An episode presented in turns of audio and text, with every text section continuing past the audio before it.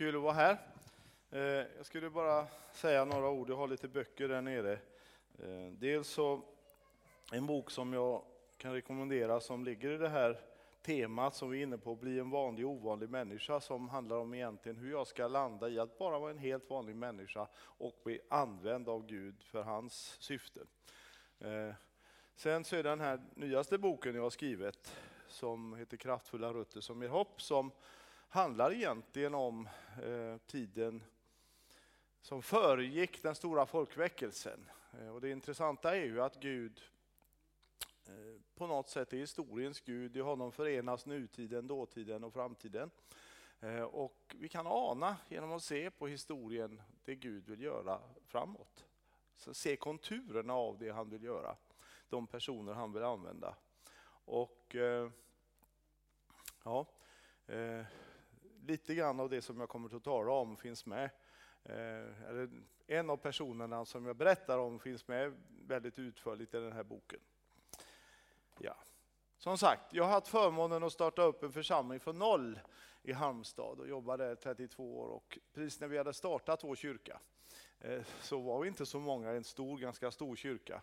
Och eh, i alla fall, i den vevan så försökte jag hjälpa en man, en finlandssvensk man, eh, in på ett eh, tillny, eh, vad, ska, vad heter det? en missbruksrehabilitering kort och gott. Han, var lite, han jobbade, hade ganska stora problem med alkohol. Och på kvällen innan första advent så var jag, så var jag hemma hos honom. Och han undrade om jag kunde be för hans knä och det gjorde jag. Och då var han där tillsammans med en kompis som heter Örjan och de var lite lätt dragna och så vidare. Och, eh, men vi pratade och så, ja men jag kommer nog på gudstjänst imorgon, sa han. Liksom. Ja.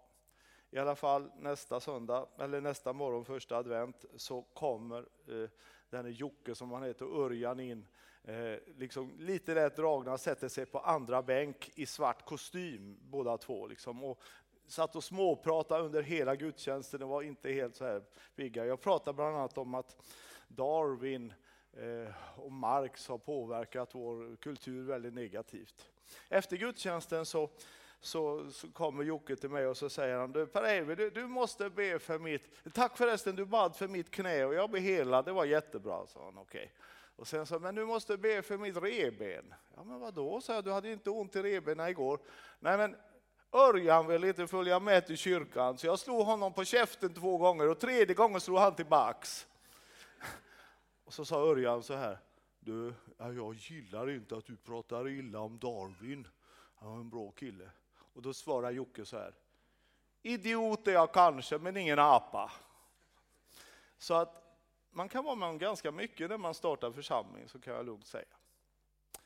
Och bygger församling. Herre, jag ber dig att du ska tala genom ditt ord. Jag ber dig att du ska beröra oss, att du ska Ge oss nya tankar, nya impulser och att vi ska se med dina ögon. Amen. Har du varit i Israel någon gång? Är det någon som varit där? Har du varit där i Latt? Har du varit i utsiktstornet, undervattensutsiktstornet i Eilat? Någon som varit där?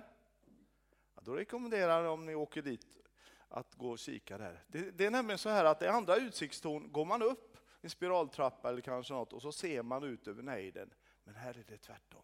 Man går ner. För det här utsiktstornet står nere på korallrevet. Och så, jag var där med min fru, så stod vi och pratade med varandra så här och hon bjöd mig på ett tuggummi. Och så tittar vi ut genom rutan. Det var fiskar, koraller i de mest fantastiska former och färger. Och långt borta så simmade ett fiskstim förbi. Man var i två världar på en gång. Det är en bild på vad församlingen är.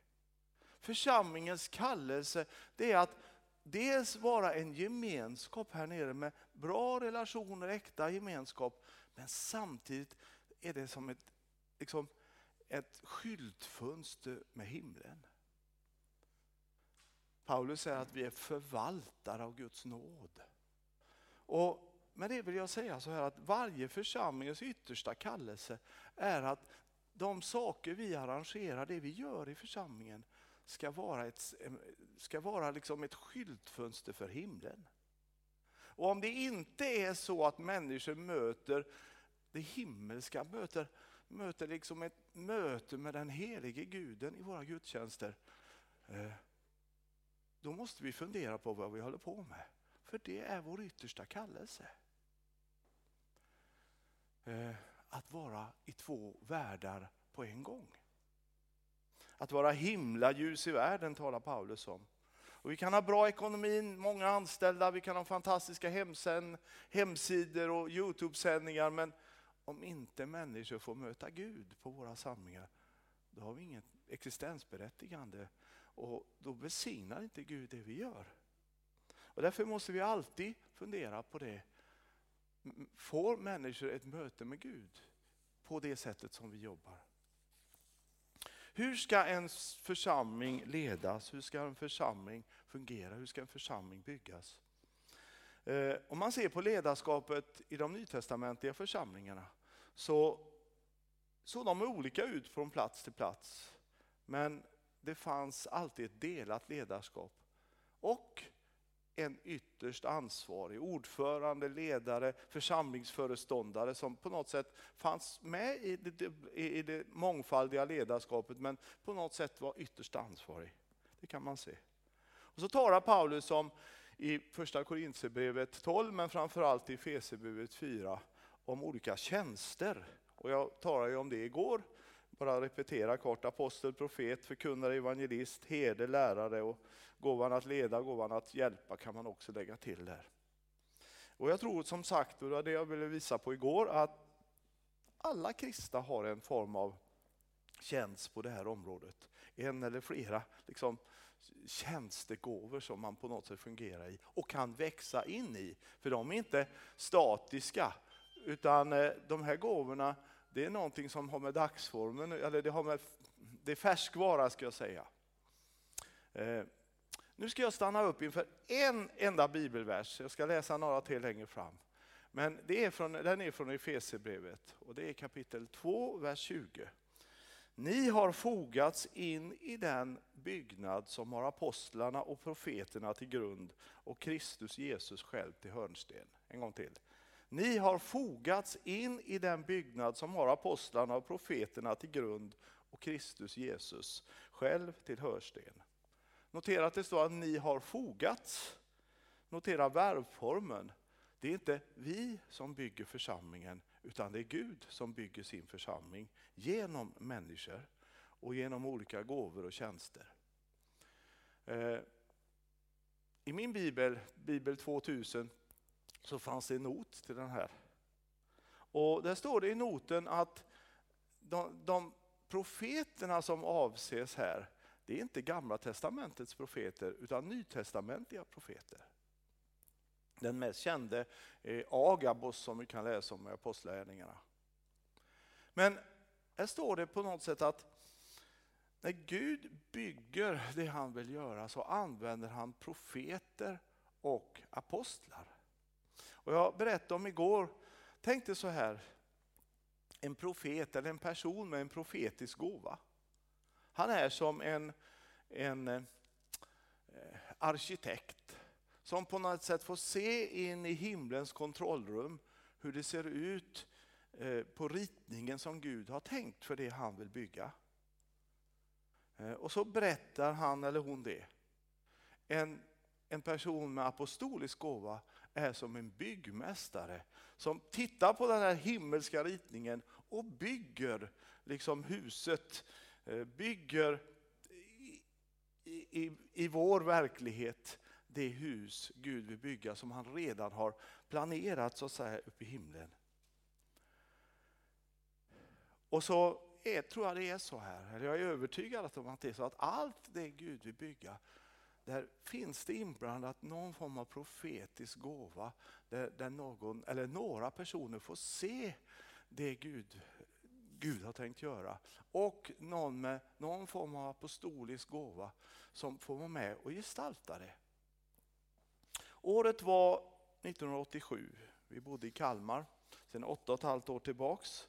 Jag arbetade som ungdomspastor i Vasakyrkan. Vi stortrivdes. Vi hade letat hus i ett halvår. Vi tänkte bli kvar där. Men en onsdagkväll den tredje i tredje 1987 går jag hem från kyrkan och så får jag bara en tanke i huvudet som jag inte haft innan. Du ska flytta till en större stad på västkusten och starta upp en ny EFS-församling där. Slut på meddelandet.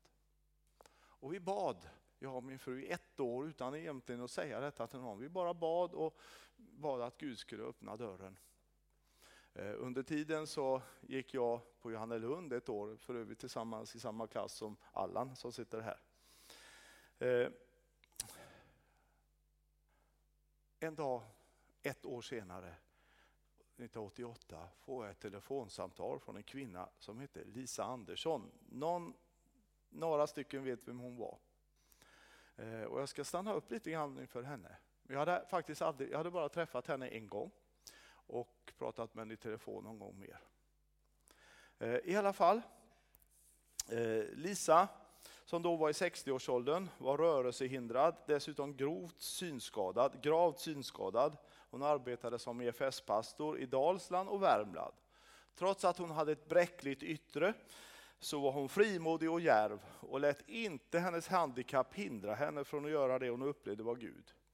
Eh, och det var inte helt lätt för henne, alltså en synskadad och, och halt, och, och ta sig fram där i, i Dalsland och Värmland. Men hon blev flera gånger skjutsad till långtradarkaféet i, i Dals Ed och så gick hon med sina kryckor fram till lång, olika långtradarchaufförer och undrade om hon kunde få skjuts med dem i lastbilshytten. Hon har själv berättat att flera gånger för att komma upp i hytten fick lastbilschaufförer springa bakom och knuffa henne i rumpan så hon kom upp så här berättar hon glatt. Men hon såg inte så bra med sina fysiska ögon, men hon såg bra med sina andliga ögon.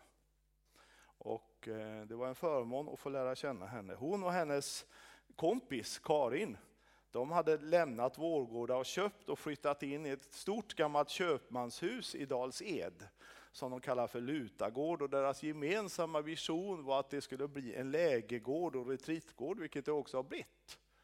Och Gud har förså, dem med arbetare och så vidare som gjorde jobbet.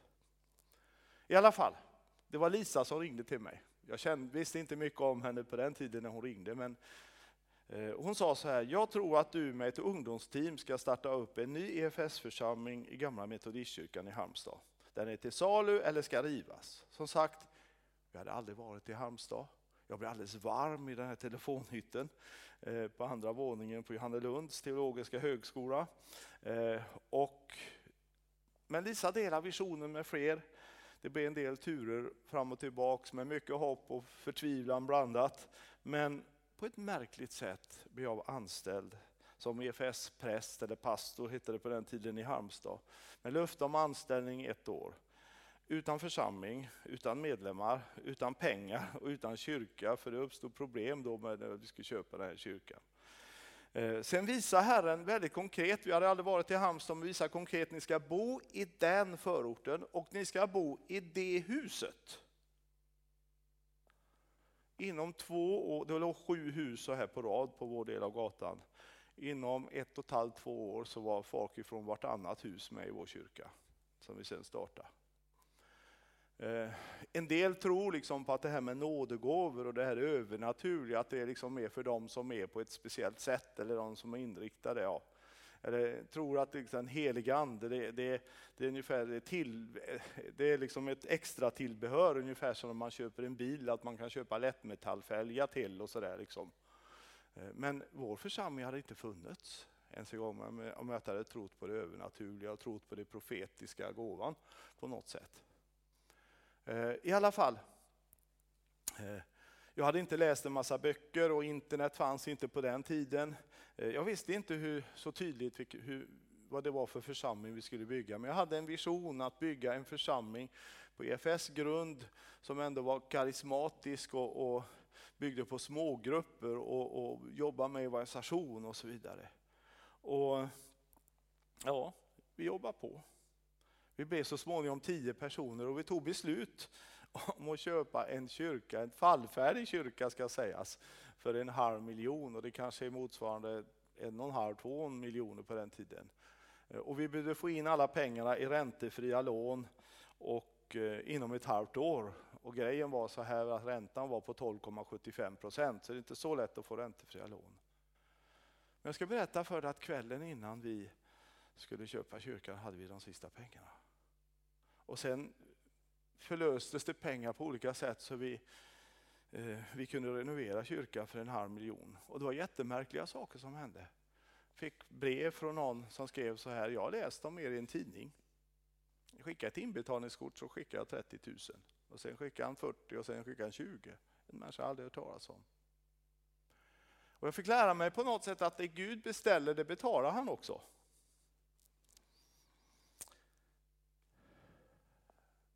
Jag, jag tror på det här att Gud använder den profetiska gåvan.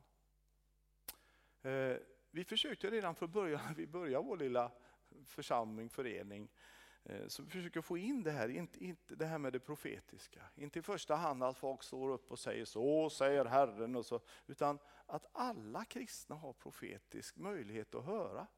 Alla kan ni profetera, säger Paulus. Och därför så gjorde vi så att när vi samlades, först var det svårt att få ihop en styrelse för att det var ingen som hade varit med egentligen i en styrelse eller något tidigare. Men efter ett tag så fick vi igång en styrelse och så vidare. Eh, och då försökte vi göra så att varje höst så tog vi en kväll där vi stod en stund av lovsång och tillbedjan och så sa vi så här, nu går vi ut och så frågar vi Gud. Vad vill Gud göra närmsta året i vår församling? Vad vill han göra närmsta tre till fem åren?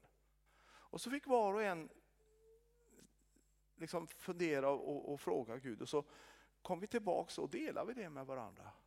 Och vi diskuterade inte utan vi bara delade och så skrev vi ner. Och så sa vi att det här är liksom någonting mitt emellan profetia, vision, önsketänkande, böneämne liksom någonstans. Men vet du, det märkliga är, det märkliga var att gång på gång såg vi att de där sakerna, de där orden vi hade fått, bönerna, blev faktiskt verklighet. Oftast tog det två, tre gånger så lång tid. Men alldeles precis när vi hade startat så fick vi till exempel, vi ska ha en bibelskola i den här församlingen. Tolv år senare så, så hade vi, körde vi igång en heltidsbibelskola som vi drev i 14 år. Eh, och jag vill rekommendera er, jag tror att det är Gud som bygger sin församling. Och jag vill rekommendera er, oavsett om det är styrelse eller om det är söndagsskolledare eller, eller vad det än är för grupp. Ge Gud möjlighet att tala. Fråga honom, hur har du tänkt? Sätt upp det som bönämne, diskutera inte, eh, diskutera inte, men sätt upp det som bönämne och be utifrån det. Och du ska få se att Gud får möjlighet att verka i din grupp, i din församling, i din gemenskap. Så var det vidare för oss. Vi var ungefär 40 medlemmar. Vi hade just renoverat vår kyrka så att vi kunde vara där. Eh, och då säger vår unge ordförande, 26 år gammal, inom tre år ska vi bygga ut den här kyrkan, inom ett år ska vi projektera för det. Och det var liksom som att slått, huvudet, slått mig i huvudet, för jag, det var inget jag hade tänkt på. Men vi började be utifrån det. Och så blev det. Och sen var det likadant. Gud visade i en annan sån här tillfälle, så visade han för oss att, eh, och det, jag fick inget av dem, visade han att vi, ska, vi sökte en ny lokal. Eh, men, eh, och då fick vi att inom, ett, inom två år så ska vi ha en ny lokal och den ska ligga på östra sidan om Nissan och det ska vara ett stort ställe. Och så flyttade vi in så småningom. Vi lyckades på märkliga vägar, för det har varit mirakler som hände mitt i allt detta. Jag förkortar en story jag kunde hålla på i timmar om, berätta om. Men eh, vi fick köpa av kommunen ett, riv, ett rivningshotat vårdhem med 130 rum plus källare, eh, som vi då renoverade upp och förändrade. Och så fick vi se det, liksom, hur det växte på olika sätt, arbetet. Och när vi då slutade nu, eller strax innan covid tog vid och jag slutade för lite mer än ett år sedan, så var vi ungefär 140 till 220 på, på gudstjänsterna i snitt året om.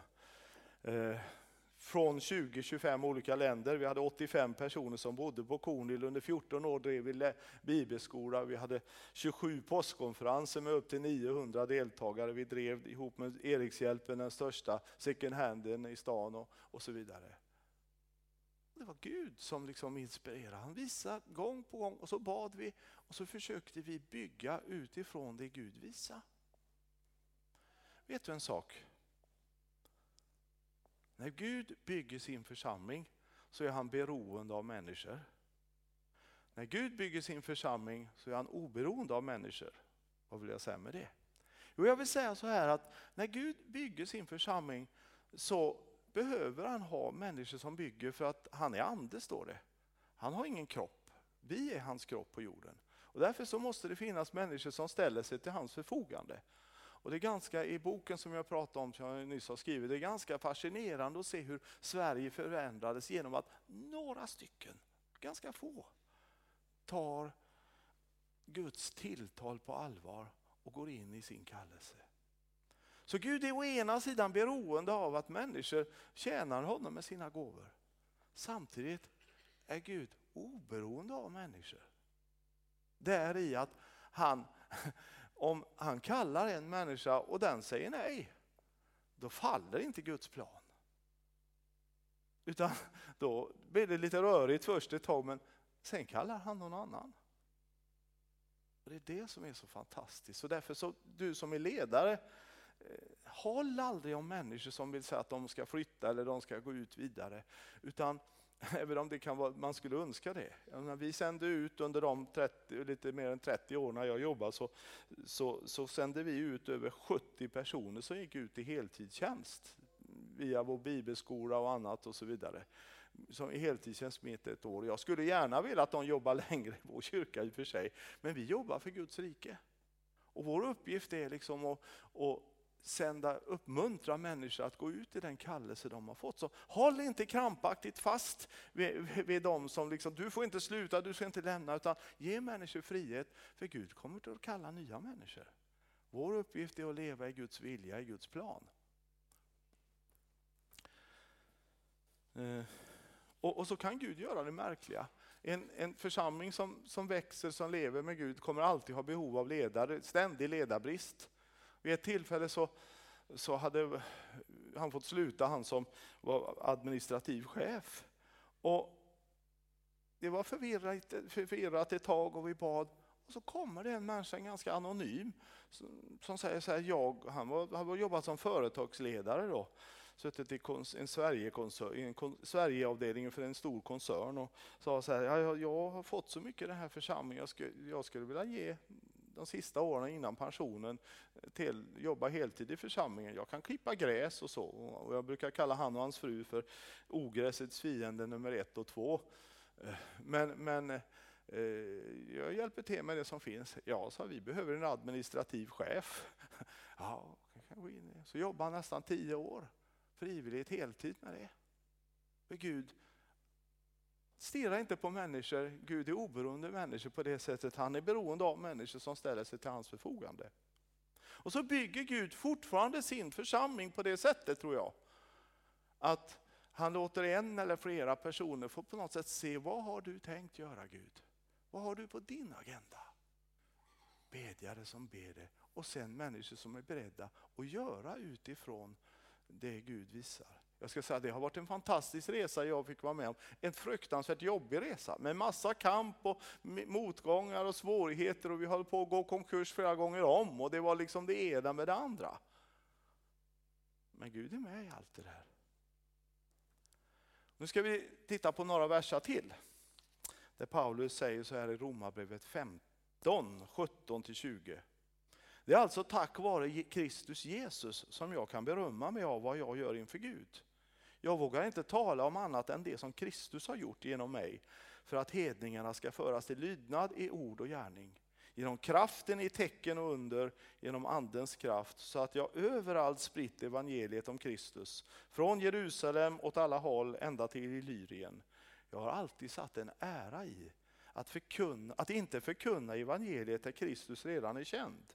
Jag vill inte bygga på en grund som någon annan har lagt. Paulus skäms inte för sin tjänst. Han visste vad han gjorde. Å ena sidan var Paulus otroligt självmedveten. Han vet att Gud har använt honom, för att förkunna evangeliet och starta församlingar hela vägen från Jerusalem ända till Kroatien i Europa 350 mil bort. Han vet att genom andens kraft har han gjort under och tecken och mirakler.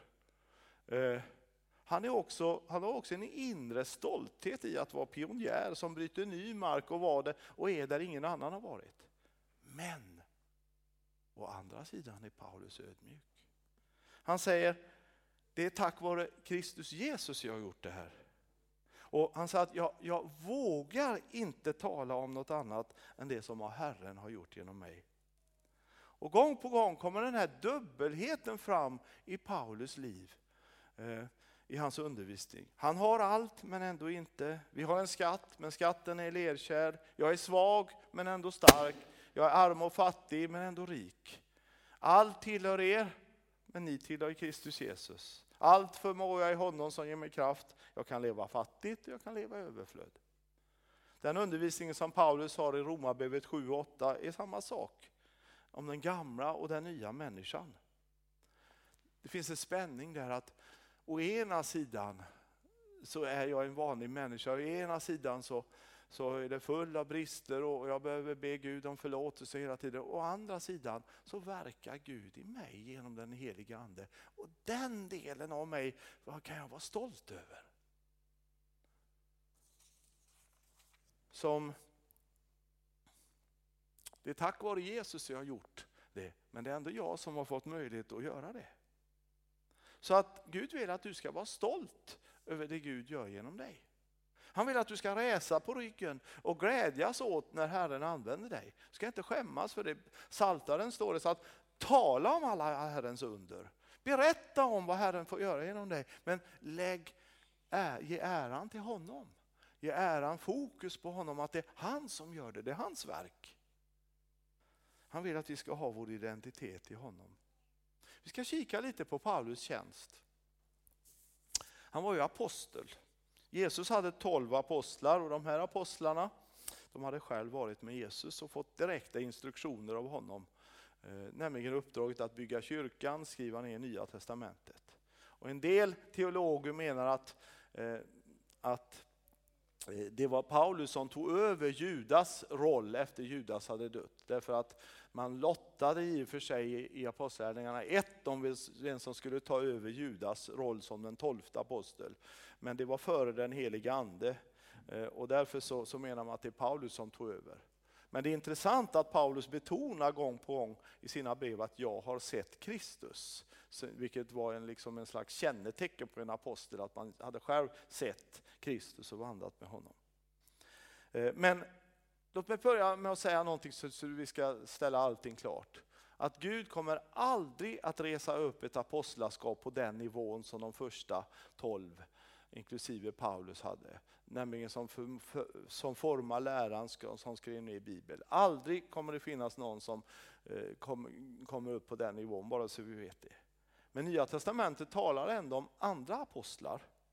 Och, och i, texten i Efesierbrevet som vi läste så, så citeras just om apostel som en funktion. I Romarbrevet 16.7 talas det om apostlarna Andronikos och Junia. Eh, det står Junias i en del biblar, men det är en senare översättning. Och Junias är ett, ett manligt namn, eh, därför att på medeltiden gillar man inte kvinnor som ledare, men i, i de allra flesta grundtext eh, texter som vi har så står det Junia, ett kvinnligt namn nämligen. Och jag tror att Jesus hade kvinnliga apostlar eh, också. Eh, bland de 72 till exempel som Jesus sände ut. Eh, och så läste vi Fesebrevet fyra igår. Så gjorde han några till apostlar, andra till profeter, till förkunnare, herdar och lärare. De skulle göra de, mera, de heliga mera fullkomliga och därigenom utföra sin tjänst och bygga upp Kristi kropp. Eh, de här brukar kallas för tjänstegåvorna. Även om jag talade om sju gåvor igår så kan man prata om fem gåvor. Och någon har beskrivit det så här. Att lillfingret är som en hand. Lillfingret är som evangel... det är som, nej, vi börjar här istället. Långfingret, det är som, som eh, eh, eh, det är som evangelisten som når längst. Han står längst ut och når de som inte tidigare nått som evangeliet. Pekfingret det är profeten som liksom pekar så här vägen. Ringfingret det är, det är liksom herden som, som så att säga Eh, har förbundstecknet med brudgummen, som liksom eh, omsorgen om fåren, omsorgen av, om bruden, Guds församling.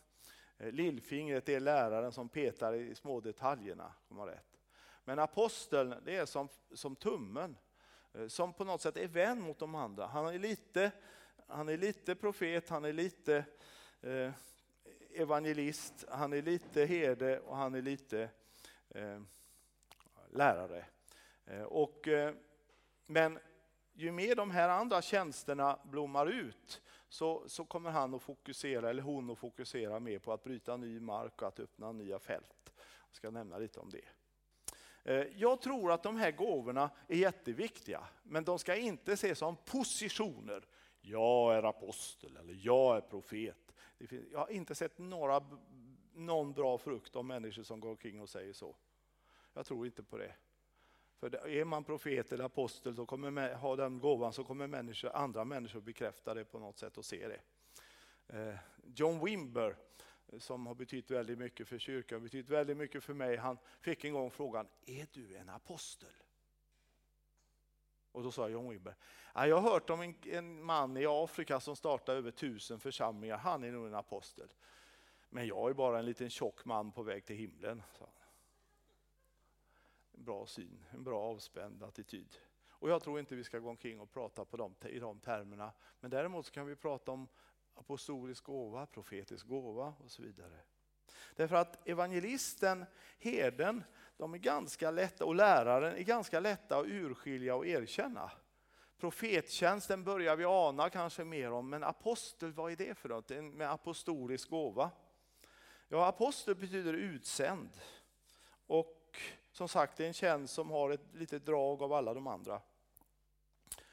Eh, och Apostel. Ja, på bibelskolan jag haft i Halmstad tidigare eh, så, så brukar jag fråga eleverna, vem är den största apostel som Sverige har haft de 200 sista åren? Och jag brukar få olika förslag.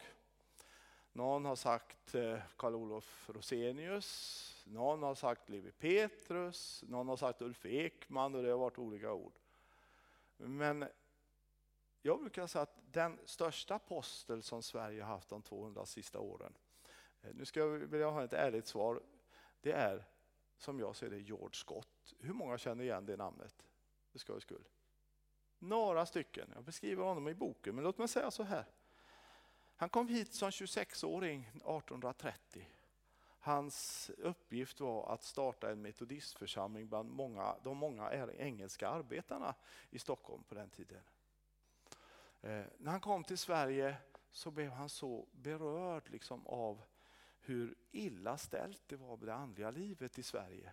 Så att han, han struntade mer eller mindre i sin uppgift att starta en metodistförsamling. Och så började han liksom mot svensk lag faktiskt och predika som utlänning som inte var lutheran och predika, han var ju metodist, eh, predika i Stockholm. Och han de försökte få honom utkastad ur landet, både präster och politiker och, och andra. Men tack vare att eh, en, av, en från hovet, en prins, var på hans möten så vågar man inte göra det. Men han blev liksom eh, facilitator säger man på engelska, möjliggöraren. Han var den som organiserade och strukturerade upp de skenorna som fanns i landet. Han tände en väckelse där i Stockholm. Han eh, började se till att det tryckas, trycktes upp tiotusentals traktater om kristen tro. Han började mission, han såg till, började nykterhetsarbetet, han såg till liksom att det här konventikelplakatet som hindrade människor, kristna, att få samlas i smågrupper utan en präst, att det knäcktes mer eller mindre. Det bröts på 1850-talet sen. Eh, man ordnar stora nykterhetsmöten med upp till 4 000 personer, så talar de om nykterhet och så predikar man på en gång. Liksom. Och så kommer man undan det. Eh, han startade upp tidningar, den mest kända är Pietisten och Missionstidning. Och missionstidningen lever fortfarande kvar, i, heter EFS, missionstidning Budbäraren nu för tiden. Eh, han tränade dessutom, hade smågrupper och tränade dessutom upp både, eh, både Carl Olof Rosenius men också F. O. Nilsson, vad hette han den andra killen? F. O. Nilsson och Anders Wiberg som Rosenius blev ju EFS ledare men de andra två blev ledare i baptiströrelsen som växte fram. Allt det här sätter igång. 12 år, efter 12 år i Sverige så lyckades eh, de liberala tidningarna eh, mobilisera pöbeln och kasta sten. Så med fara för sitt liv så var han tvungen, insåg att han kunde inte vara kvar, han, han blev utkastad. Men då var väckelsen igång. Och Sverige börjar resan från Europa, ett av Europas allra fattigaste länder, på några generationer bli ett av de allra rikaste. Fantastiskt. 26-årig kille.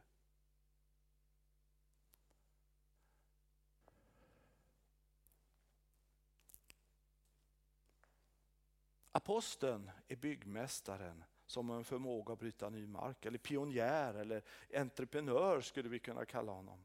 Och om vi tittar i Nya Testamentet, vad är apostelns uppgift? Ja, det är att grunda församlingar eller öppna nya fält för evangeliet. Eller starta nya grupper som, som liksom är helt nytt, skulle vi kunna säga. John Wesley var en sån till exempel, var en apostel som startade upp tusentals församlingar i England.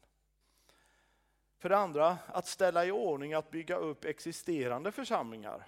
Paulus kallar sig själv för arkitekton eller regerande byggmästare i första Korinthierbrevet 3. Karl-Erik Salberg som nyss gick hem till Herren, han kom till en öde kyrka i centrala Stockholm, Sankta Clara, där det inte fanns något liv i princip. Och eh, idag är det en sprudlande eh, flöde av liv därifrån. Ett apostolisk tjänst. Eh, det handlar också om att föra fram en ny eller återupprätta en sanning i församlingen. Det var vad Petrus gjorde på apostlamötet i Apostlagärningarna 15 där hedningarna också erkändes i kyrkan. Martin Luther var en apostel som upprättade läran om rättfärdiggörelse genom tro. Levi Petrus upprättade andens och nådegåvornas plats i svensk kristenhet. Det kan också vara för det fjärde att skapa ett genombrott där församlingen har stannat av i traditioner eller rutinmässig religion. George Scott var en sån som jag berättade om. Karl Olof Rosenius fick bli andlig rådgivare åt eh, hundratusentals svenskar. Belina Sarka som jag har fått förmånen att träffa några gånger i Etiopien fick vara med och liksom förändra, föra in andens liv i, i Mekane Jesus-kyrkan, den lutherska kyrkan i EFS var med och starta som idag är en av världens snabbast växande kyrkor. Och du kan koppla bakåt. Agne Nolander beskriver hur, hur det går att koppla det här liksom förnyelsen bakåt då, mer eller mindre till egentligen en bibelskoleelev som bad för sin försupne lärare Belina Sarka så att han fick möta den heliga ande och så satte det igång. Fantastiskt. Eh, om vi ser då till apostlärningarna och historien så kan vi se att Eh, en apostolisk, en person med apostolisk gåva kan ha en lokal eh, utbredande som sagt. Det finns, jag är säker på att det finns människor här med apostolisk gåva i den här salen just nu. Eh, människor som har en apostolisk tjänst som berör regionen, som berör en annan nivå nationen och som har internationellt inflytande kan man tänka på det fjärde. Vissa får ett smalt arbetsområde, vissa får ett brett. Och jag tror att vi har sett så mycket i kyrkorna i Sverige hur, hur lärarens tjänst, hur herdens tjänst eh, och i viss mån hur aposteln förlåt, hur evangelist, här, läraren, herden och evangelistens tjänst har liksom eh, betonats och slått fast. Men vi behöver se apostelns och profetens tjänst. Profeternas, för jag tror det finns många i en församling. Jag tror Gud verkar, eh, som sagt, alla kan höra från Gud och alla kan ta små apostoliska initiativ, tror jag. Låt mig berätta om några. Eh, i mitten på 1980-talet så kände högstadieläraren Lasse Bredmar i Kalmar en nöd när hans barn växte upp att de nog inte skulle trivas i kyrkan. Och därför startade han tillsammans med sin syster Kikki Lövenham Fredagsdraget, en barnverksamhet. Eh, eh, liksom där man hade barnmöten för, för alla åldrar ska man säga. En, en, ett fantastiskt barnarbete som spred sig till över 30 platser. Ett apostoliskt initiativ. Eh, Jonas Andersson och Per Olausson hade var för sig fått en vision och fått sett liksom in i himlen att på något sätt att Gud skulle vilja göra någonting på Sveriges skolor. Och så råkade de träffas och dela vision och så föddes hela visionen om Jesus Generation skolorganisation. De, jag tror de har hållit på i 35 år nu. De var med, vi hade många team från Jesus Generation när vi byggde upp vår kyrka. Eh, fantastiskt. Två unga killar. I Herrans år 2003 så upplevde tre kvinnor i Halmstad att vi måste göra någonting för uteliggarna och starta upp nattcaféet då, som börjar i vår kyrka, i Johanneskyrkan i Halmstad och som nu har ett eget hus och har fått betyda så mycket för kristenheten och så mycket för staden. Eh, och Jag tror att Gud vill resa upp människor med profetisk och apostolisk gåva också i Helsingborg. Men därför att den här gåvan skapar tro. Han eller hon går före, visar att det omöjliga är möjligt. Man utbildar inte apostlar, de växer fram genom tjänande. Människor tar steg, man tjänar Gud. Gud och andra människor bekräftar deras gåvor bit för bit. Jag tror liksom inte att du behöver tala om att jag är apostel eller jag är profet eller något sånt. Därför att är du det så kommer människor att erkänna dig och berätta om det så småningom. Eh, som sagt. Eh, en, med en apostolisk gåva är inte bara att vara visionär utan det är både visionär och praktiker och hårt arbetande. Eh, som sagt, man växer in genom att pröva och genom att tjäna. Det kan börja med en längtan att förändra, att skapa något nytt, att bygga framtiden. Men det är inte så många människor som har en stark apostolisk gåva i en församling, kanske 5 procent. Jag har sett om ungefär 10 procent är evangelister, 5 procent har den här gåvan. Men alla, Paulus när han mötte Gud på Damaskusvägen så fick han en kallelse från Gud. Men när du blev en kristen så fick du också en kallelse. Och den är dubbel den kallelsen den som du har fått när du blev kristen. Och den första biten i kallelsen, låt mig illustrera den så här. En som levt ut den riktigt, riktigt bra. Hon hette Valborg Stjärne, en av mina favorithistorier där. 105 år gammal dog hon år 2000. Eh, en, en eh, kristen journalist berättade om hur han, när hon var i 90-årsåldern, gjorde en intervju med Valborg Stjärne. Och eh, han la upp det så här att, ja, hur är det att bli gammal? Hur är det att bli gammal? Jag menar, din tid som missionär på missionsfältet. Hon har gjort ett fantastiskt, hon och hennes man, en fantastisk insats i Etiopien. Men hur är det, din tid på missionsfältet är slut. Du är ensam, du sitter mycket ensam, många av dina vänner är döda, du lär inte komma ut till missionsfältet igen. Och du, du är här. Hur är livet? Jag menar som svensk, det är ju upplagt vad man ska svara på sånt. Men vet ni vad den här kvinnan svarar? Hon sa så här, ja livet är underbart, jag låter mig älskas varje dag. Den kvinnan hade fattat vad kristen tro handlar om. Att låta sig älskas av Gud. Och den första kallelsen du har som människa, som kristen, vet vad det är? Det är inte att du ska gå ut på gatorna och dela ut traktater, det är inte att du ska sjunga på torget eller du ska läsa Bibeln. Det är att ta emot Guds nåd och lära dig leva i Guds nåd. Som jag sa igår, jag säger det igen, Kristendom är världens enklaste religion. Ta emot Guds nåd genom Jesus Kristus in i ditt liv så du kan älska dig själv och ge sedan den kärleken vidare till världen. Så min första kallelse som kristen det är att bara leva i Guds nåd.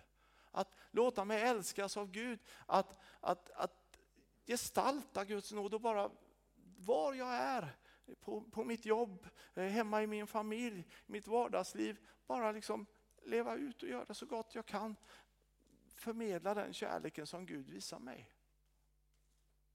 Den, den nåd som han ger mig. Sköta arbetet, sköta sina uppgifter.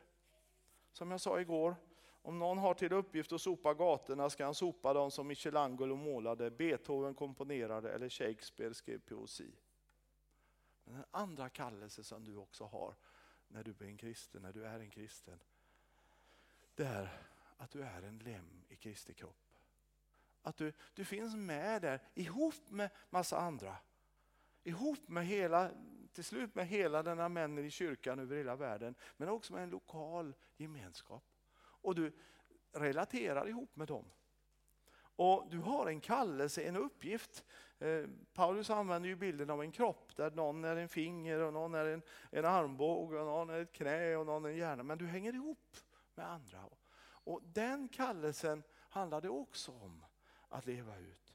Det kan se ut på så många olika sätt att leva ut den kallelsen. Att vara ledare på någon nivå i församlingen, eller att vara andlig far eller mor.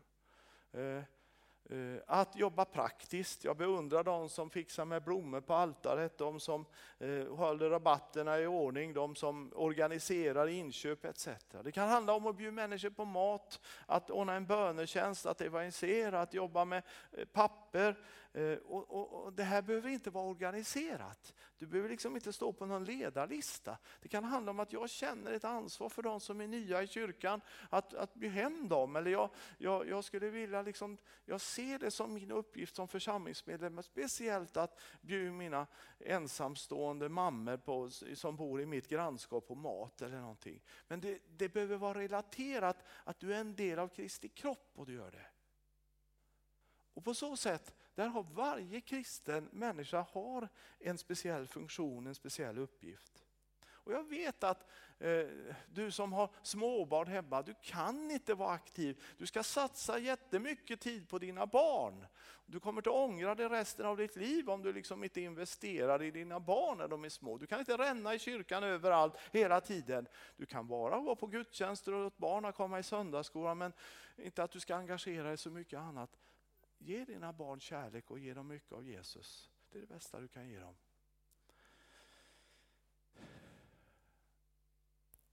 Jag ska sluta alldeles strax. När man blir en kristen så får man faktiskt också en aktiv längtan efter att tjäna i Kristi kropp. Det får alla. Men med tiden är det lätt man tappar glädjen i kallelsen. Det kan bero på att man känt sig tvingad att göra något man inte kände en glädje att göra. Det kan bero på att man blir besviken när resultaten uteblev eller att andra inte förstått sig på min tjänst. Men om du vill leva ett normalt kristenliv så behöver du ta reda på vad är mina gåvor? Och vad känner jag har Gud lagt ner i mig? Vad känner jag en glädje att göra? Och vad upplever jag att Gud och människor bekräftar mig i det jag gör? Eh, därför Gud, det finns ingenting som betyder så mycket för en kristen människa som när hon får förstå sina gåvor och får fungera i dem. Så mina frågor till dig är så här. Vet du vilka gåvor och vilken kallelse du har för ditt liv? Lever du i dem? Tror du att Gud är god och att han vill dig väl? För det finns också med i det hela. Eller är han en sträng gubbe som bara tvingar mig att göra grejer? Och vad hindrar dig att leva i din kallelse? Jesus, jag tackar dig för att vi får förmånen att vara en del av din kropp. Tack för att vi tillsammans får gestalta dig på jorden. Tack för att du har gett oss det förtroendet att, att det är vi som, som bär, ska bära ut dig till folket, till den här världen. Jag ber att du ska ge oss en medvetenhet, en stolthet men också en ödmjukhet i detta. Kom helige Ande och gör ditt verk i den här gemenskapen, alla som lyssnar Herre. Och jag upplever att det finns några som du har velat göra så mycket men det gick inte så bra och så har du blivit besviken Du behöver förlåta dig, förlåta dig själv och kanske också förlåta Gud för att du tyckte att han inte stod bakom det som du hade gjort. Men det står i Bibeln att Gud ger inte sin ära till någon annan. Gud ger ära det som han har fött, för han är det enda rätta, det enda sanna rätta. Det finns också någon tror jag som blivit motarbetad av, av folk tycker du när du får göra det du tror i Gud. du behöver förlåta dina syskon och gå in i det Gud har kallat dig. Amen.